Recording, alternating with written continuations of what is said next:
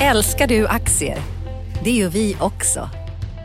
Sea Worldwide Asset Management är en av Nordens största oberoende aktiva aktieförvaltare och har samlad kunskap sedan 1986. Ta del av vår kunskap på seaworldwide.se. Bokstaven C worldwide.se.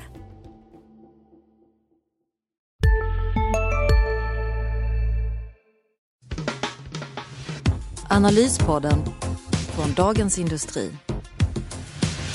Hej allihopa och välkomna till årets första analyspodd från DIs börsredaktion, finans och börsredaktion med mig Ulf Pettersson och mitt emot mig har Viktor Munkhammar. Hej hej! Har du något roligt att berätta om julledigheten? Var du ledig överhuvudtaget eller hur? Ja, jag var ledig. Jag har åkt pulka och skridskor eh, och faktiskt lite längd också. Aha. Så det eh, kan man inte vara missnöjd med. Nej, fantastiskt. Det är Ja. vinter nu för tiden. Och det är vinter i Kina också. Det vet jag inte om det är, men det är vinter kallt på börsen i alla fall. Ja, det är väl kallt på lite olika sätt. Jo, men det har ju varit en eh, väldigt, väldigt stökig första börs och marknadsvecka. Det är inte bara börserna där det är oroligt eh, med Kina som utlösande orsak. Så att, ja, man kan väl säga att det är vinter. Vinter. Så Kina måste vi prata om. Vi ska väl prata lite om USA också, för det är fortfarande världens viktigaste land och där händer ju saker. Eh, och sen så har vi en rapportperiod som är på gång Som här. närmar sig lite va? Ja. Just det, USA först ut som vanligt men ganska strax efter kommer eh, alla de svenska bolagen.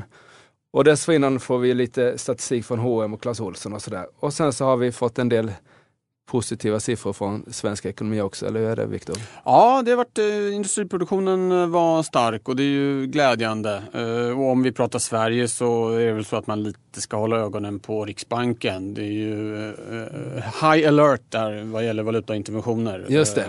Vi kan nog underhålla våra lyssnare kommande minuterna med det där. Ska vi börja med Kina? Hur, hur ser du på det där? Alltså vi hade en nu ska vi se, de, de höll ju öppet under 13-helgen så jag tror det inledde, inledde året med ner 7% sen så var det upp två dagar, inte särskilt mycket och sen så var det ner 7% igen. Och sen så när vi sitter och pratar så har de då stängt börsen på fredagen och då var den upp drygt 2% Så ner drygt 10 i alla fall eh, vad det gäller kinesiska börsen. Det har påverkat hela världen egentligen. Eh, vad tycker du vi ser? Ja, alltså med Kina, man kan ju ha ett, liksom ett 15 minuters perspektiv och så kan man ha ett 15-årigt perspektiv kanske på Kina. Och med 15 minuter syftar jag på att det är ungefär så länge börsen har varit öppen tills det automatiska handelsstoppet har utlösts här efter att den har fallit 7 Och det har de ju avskaffat nu. Ja, Det var i bruk en vecka och så Ja. togs det bort. Och myndigheterna har varit inne och, och köpt och härjat. Så det är ju helt klart ett väldigt nervöst läge, lite taffligt påminner om det vi såg i augusti. Lite så här panikkänsla, Ja. liksom vet de vad de sysslar med. Och vilka är de som sysslar för övrigt, Ja, undrar man också lite. men jag, Eh, Så, så att, eh, oroligt, men lite lugnare nu då efter att eh, det här stoppet avskaffades och yuanen inte tilläts depreciera mot dollarn också, ska Just man väl nämna. jag tycker ändå, om vi säger dom om regimen, det kan vi göra för vi vet ju inte vilka det är riktigt. Jag tycker ändå det var ett styrkebesked att de tog bort någonting som de införde för fyra dagar sedan. Det är nog många som skulle ha hållit i hållit i För det där mycket längre. du? Ja, så det, ja. var, det var ett litet styrketecken, Ja, men ja. det var väl ett litet styrketecken. Men om vi tar valutor som du kanske är mer eh, insatt i än börs då, vad är det? För det är ju intressant här, de håller på, tidigare hette det ju alltid att från amerikanskt håll och även från europeiskt, men framförallt amerikanskt håll att nu måste Kina eh, appreciera sin valuta för de är, är, är ett valutasvin som det heter om man, är- om man inte vårdar sitt språk då. Men nu är det ju tvärtom. Att vi vårdar vårt språk. Ja, nu vårdar vi det. vårt språk. Ja, nej, men, jo, men det där är ju en grej. Det, det är ju en, en, sak som har bidragit till den här oron. Och, och där har ju Kina, de är ju ett läge där de dels håller på att ställa om hela ekonomin, vilket vi kanske pratar mer om, men också liksom liberaliserar finansmarknaderna i bred bemärkelse i små steg. Och en komponent där är just valutan som ju har varit kopplad till dollarn länge. Eh, den där kopplingen den tillåts variera lite grann och så i augusti kom det en liten devalvering och så en liten mindre här försvagning här nu i veckan. Men i och med att den har den här kopplingen, den då grundkopplingen till dollarn, så har den stärkts väldigt kraftigt. I reala termer har den kinesiska valutan stärkts väldigt mycket de senaste åren eftersom dollarn har liksom dragit iväg. Och det de håller på med nu är att försöka byta från att ha en koppling bara till dollarn till en valutakorg, väga in andra valutor också. Dessutom har de kommit med i den här IMFs SDR, alltså en korg som IMF var en konstgjord valuta och sådär. Mm. Eh, så, att, så att de försöker väl frigöra sig från den här kopplingen till dollarn och så småningom ska ju valutan bli konvertibel som det heter. Det vill säga man ska kunna köpa och sälja den och den handlas som ja, exempelvis den svenska kronan. Det dröjer väl ett tag innan det blir så. Men de håller på med, med den här omställningen också och då att försöka frigöra sig från den här kopplingen till dollarn. Och varför vill de frigöra sig? Är det för att Ja, det speglar mer de riktiga handelsmönstren och hur det ser ut och ett steg på vägen mot att bli en, ja, en sån här fullt konvertibel valuta. Men, men, det man kan tänka sig är att Kina håller på att ställa om nu, som vi har pratat om många gånger, från exportinvesteringar till tjänster och konsumtion.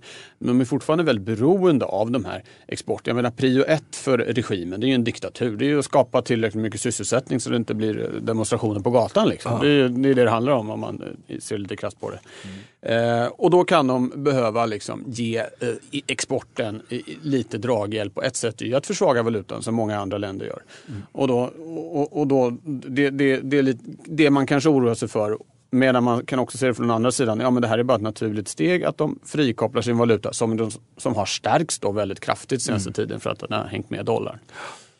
Så Eh, Kina är inte de enda som vill frikoppla sig från dollarn här. Vi har haft eh, en del andra länder väl som också vill bli av med sin peggning mot dollarn. Eller är det jag som Ja, en, en skillnad mot den här äh, tillväxtkrisen vi hade i slutet av 90-talet med Thailand och det här. Ja. Så det är ju att färre länder har såna här strikta valutakopplingar mm. till dollarn. Så på det viset är det ju bra då. Då blir det liksom lite mera krockkudde när mm. det blir kämpigt. Eh, så att, så att det, det, problemet är inte lika stort som det var. Men däremot så är det många som har tagit lån i dollar i tillväxtländer och de lånen blir ju dyrare då att betala tillbaka när dollarn stärks. Mm. Eh, och det är också så att en del kapital kanske lämnar de här tidigare väldigt expansiva tillväxtmarknaderna när det börjar liksom finnas räntor att tala om i USA att det åker tillbaka då kapitalet. Så på det viset är det väldigt viktigt eh, vad som händer med dollarn mm. och vad Fed gör då också för, för många tillväxtländer. Och hur, hur länge klarar av, för nu om nu Kina börjar depreciera eller devalvera sin valuta fler gånger här så blir så att säga i ett världsperspektiv så blir den amerikanska dollarn ännu högre värderad, ännu jobbigare för den amerikanska ekonomin då, åtminstone den exportinriktade. Hur länge, hur länge klarar man av en stark dollar i USA och kan den starka dollarn, som blir ännu starkare med tanke på Kinas eh, eh yuanens svaghet då, ha bäring på hur Fed-chefen Janet Yellen gör här under 2016? Ja, alltså visst spelar dollarn roll. Um, vi ser exempelvis att det här inköpschefsindex för industrin, där större företag som är exporterande väger lite tyngre, det är på väldigt svaga nivåer i USA. Mm. Uh, å andra sidan så brukar man säga att USA är en, en stängd ekonomi. Det är liksom 90 procent handlar om den inhemska efterfrågan och inte alls exportberoende. Exempelvis i Sverige så är det 50 procent Mm. handel med utlandet, export i USA då 10 mm. Så att det är inte alls så viktigt som det är exempelvis för, för Sverige eller Finland eller något sånt där land. Mm. Eh, men, men att det har betydelse, absolut. Jag menar, de, det, det, är ju kämpigt för dem. Med det. Jag, tror mot kronan har väl dollarn gått 20% på ett år eller någonting och euron 19 eh, eller något liknande. Så ja. det är ju rätt kraftiga rörelser. Ja. Och då blir det tuffare för den amerikanska exportindustrin, så är det. Mm. Eller vad tror du Janet Yellen, vi ska prata USA också, vad, vad, är det som är grejen i USA nu då, eh, som du ser det? Ja, det är väl lite, lite sådär, eh, det är inte riktigt fullt så starkt som man skulle önska. Det har vi ju sett under hösten. Sen har det kommit ett, kommit ett par riktigt fina siffror från arbetsmarknaden som är ett väldigt bra mått på liksom, om man tittar på hela ekonomin och inte bara exporten då och kommer in med dollarn där. Så, så att det sett okej okay ut, men lite småhackigt. Man skulle väl gärna se att det här inköpschefsindex då ändå, även trots dollarn, ligger lite högre och samma på tjänstesidan som ju inte är lika beroende av, av, av dollarn då. Så att det är inte något eh, superös i USA, även om som sagt arbetsmarknaden ser väldigt starkt ut. Och det har varit lite mindre super så att säga. Det har varit svagare sen, sen de höjde räntan, så det som vi har sett efter det har varit lite svaghet egentligen, eller hur? Ja, lite, ja precis. Lite svaghet. Sen vet jag inte om man ska koppla det så mycket till, till ränteförändring. Nej, nej, nej det, det, har säkert inte slagit, slagit igenom. Men, men, men, men, men, visst, det, det, ser lite småskrynkligt ut. Det ser skrynkligt ut i Kina som vi har pratat om. USA bra, jag menar det tuffar på men det är inte, det är inte liksom jättekonjunktur. Vi såg, det kom här på fredagen lite svajiga industriproduktionssiffror från Frankrike och Tyskland, alltså i praktiken EMU då. Mm. Eh, ett land som sticker ut mitt i allt det här är ju Sverige. Eh, där det var väldigt starka industriproduktionssiffror. Och, och vad beror det på? Vi har ju en, vi har en väldigt stimulerad ekonomi både penningpolitiskt och finanspolitiskt. Just nu pågår vår stora season sale med fantastiska priser på möbler och inredning. Passa på att fynda till hemmets alla rum, inne som ute, senast den 6 maj. Gör dig redo för sommar. Välkommen till Mio. CSRD. Ännu en förkortning som väcker känslor hos företagare. Men lugn, våra rådgivare här på PWC har koll på det som din verksamhet berörs av. Från hållbarhetslösningar och nya regelverk till affärsutveckling och ansvarsfulla AI-strategier. Välkommen till PWC. Tills då med, med att man har liksom avskaffat eh, eh u-landshjälpen, höll jag på att säga, men det heter det inte nu för tiden. Eh.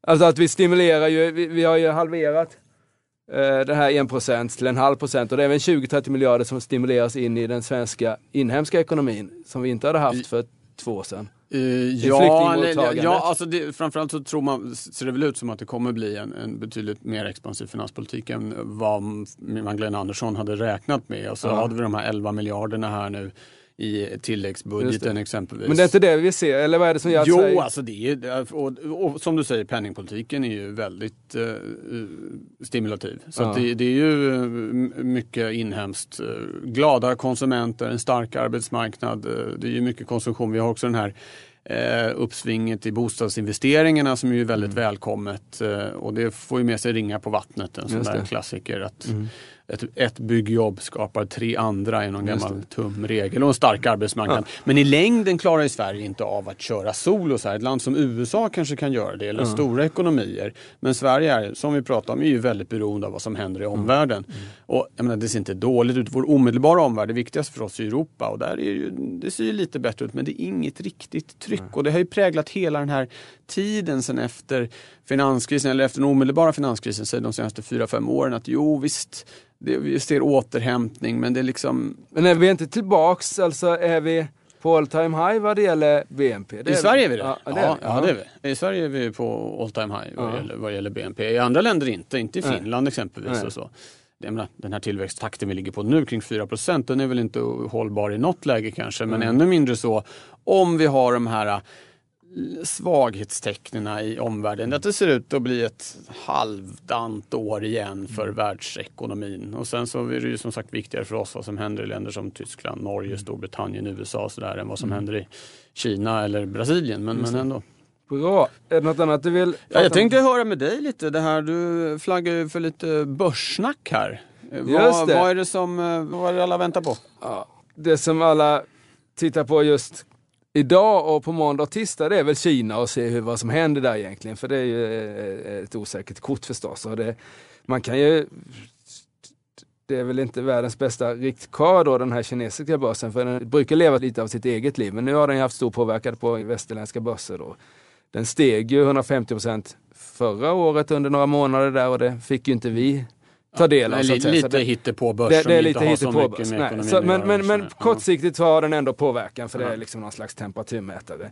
Men nu är vi på gång då in i en rapportperiod här, boksluten. Mm. blir ju högintressant det här. Det är ju där vi kan läsa ut kanske på ett mer tillförlitligt sätt hur det går i Kina exempelvis. För det är ändå det är ändå Assa försäljning i Kina som vi kommer få se då, så det kommer ju vara jättefokus på våra stora exportbolag. Är det just Kina. de liksom Kina-exponerade bolagen som blir mest intressanta att titta på för att Kina är så viktigt? Eller? Ja, det skulle jag säga. Ja, okay. Om man är så osäker på hur det går ja, där. Ja, och sen så är det då eh, Förhandstipsen här är ju att USA ska se ganska bra ut. Mycket dollareffekt då om du har sålt till USA så blir det bra. Liksom. Du har stark mm. konkurrenskraft eh, med den svaga kronan.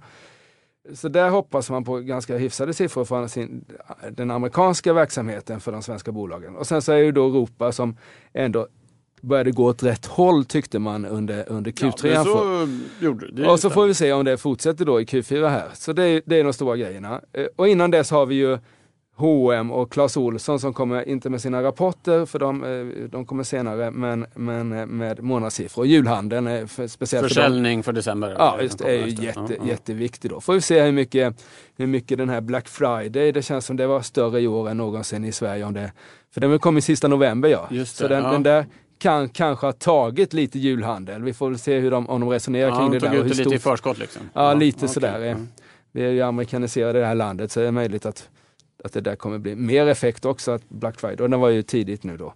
Så rapportperioden blir ju högintressant. Alcoa eh, är ju först ut som vanligt. Det här är stål, aluminiumstålbolaget i USA då. De har redan kommit med sina förhandssiffror så det är väl inte liksom siffrorna i sig då men kanske lite utsikt och hur de ser på världen som är början här. Sen så drar det igång då. Eh, Eh, verkstadsbolagen är ju högintressanta. Vi ska spännande att se vad Elux hittar på. De har ju de har man nästan glömt bort här, men de, var ju, de toppade ju vår tidning flera dagar i rad här när de inte fick göra sin eh, stora amerikanska eh, vitvaruaffär. Ja, får vi se vad som händer där om vdn avgår till och med. Eh, det får vi väl se då. Keith, det är inte omöjligt. Men eh, rapportperioden kommer bli är alltid högintressant men nu är den väl extra högintressant. Speciellt när det är ett bokslut också för då är det liksom lite längre rapporter och lite mer, eh, lite mer det kan komma nedskrivningar och sånt där. Så det är ju grejen för kommande veckorna.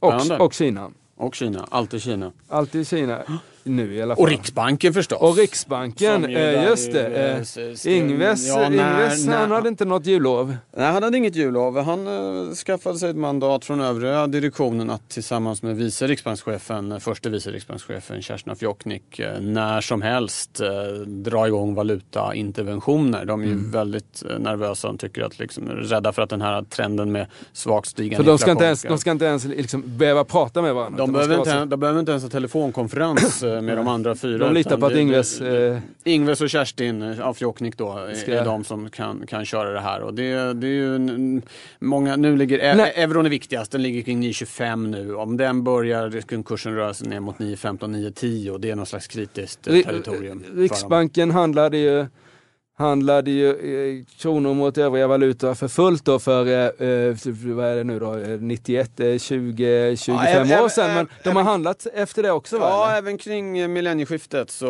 var de inne och intervenerade och det var väl lite, alltså det är svårt det här det är svårt att få någon bestående framgång med valutainterventioner Ja. och många är ju kritiska till det, särskilt ett land som Sverige som har ett jättestort bytesbalansöverskott. Jag menar vårt viktigaste konkurrent Finland som har tre år recession bakom sig och Mm. sitter med euron då, så det är ju lite politiskt känsligt och även liksom om man bortser från det svårt att få någon uthållig effekt. Å andra sidan så har de pratat om det här så länge och det här med valutainterventioner från att ha legat längst ner i verktygslådan har det nu seglat upp och ligger högst upp. Att det är det, för att vi, att, och det, det handlar om då är att få snabb effekt, att via den importerade inflationen få upp Och, den och om, totala. inte, om inte Kina med världens största valutareserv kan hantera sin börs så lär väl inte Ingves kunna hantera kronan med med, med, med, med Ja, nå- kassa. n- Ja, någon mer än som signalvärde då, effekt. att han får med sig andra. Men, till- men inte att, liksom, och, ja.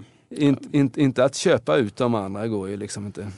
Nej, det, är ju, det är ju, handlar ju om det är en slags överbryggningspolitik de håller Ja. på med i Riksbanken. Att hålla uppe inflationsförväntningarna framför allt, inte minst inför avtalsrörelsen, tills den här starka inhemska svenska ekonomin förhoppningsvis ska börja ge utslag i lite mera uthålligt stigande inflation. det är ungefär så i planen. Men nu får han väl en jättehjälp då av, av eh, kineserna här som eh, det blir dyrare, våra, våra plastleksaker till dina och mina barn blir dyrare här när, när eh, Nej, tvärtom. Tvärtom, ja, just det. De- Alltså, de- de ju försvagar väl- ja, just det. Kina, Mm. Kina försvagar sin valuta. just det, så de kan de, sälja ännu billigare. De Mm. exporter, exporterar ju Just det, deflation just det. och Ja, varor precis. Kina. Just det, då, har du rätt rätt i. Eh, däremot så får ju Riksbanken lite hjälp av att det är så här stökigt på marknaderna och folk blir riskaverta, vill inte ta på sig risk och då, då, då liksom ligger inte svenska kronan högst upp på, Det- köplistan. Så att det är inte de safe har haven längre. De har ju Nej. fått lite, nej, lite som det har varit m- Nej. mer. Eh, Men, men i grunden har de ju liksom verkligheten emot sig att det finns ett tryck på att den svenska kronan ska bli starkare. Så de jobbar ju motvind. Liksom. Men det får vi se. Det får vi se. händer. Ska du sammanfatta? Eh, ja, Kina. Eh, tillfälligt i alla fall lite stabilare. F- eh, ett konstlat lugn. Eh, man kan ha ett 15-årigt perspektiv och då handlar det om att en omställning av en jättestor ekonomi som kommer ta väldigt lång tid. Eh, USA, eh, okej men inte så bra som man skulle önska. Eh, Lite samma med Europa. Ja visst, det går åt rätt håll men var är svunget? Och hur länge kan Sverige då stå ut i den här världen eh, med jättetillväxt när vi är så omvärldsberoende? Och så kan väl du riva av väldigt kort och bara Det är nog den sämsta börsstarten vi har haft på minst 25 år. Eh, kanske längre de här första börsveckan då. Eh. men nu är det rapporterna som avgör huruvida vi vänder upp här eller om det ska fortsätta ner. Och i rapporterna, i bolagsrapporterna, i boksluten så är det eh, Kina-effekten som, som kommer vara väldigt viktig. Ja, bra. Eh, tack allihopa för att ni lyssnade. Vi hörs nästa vecka igen. Hej då! Analyspodden från Dagens Industri. Podden redigerades av Umami Produktion. Ansvarig utgivare Lotta Edling.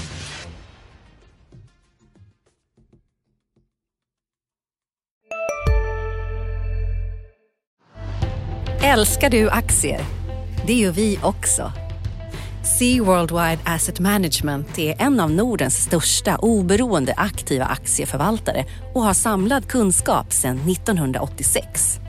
Ta del av vår kunskap på seaworldwide.se. Bokstaven C, worldwide.se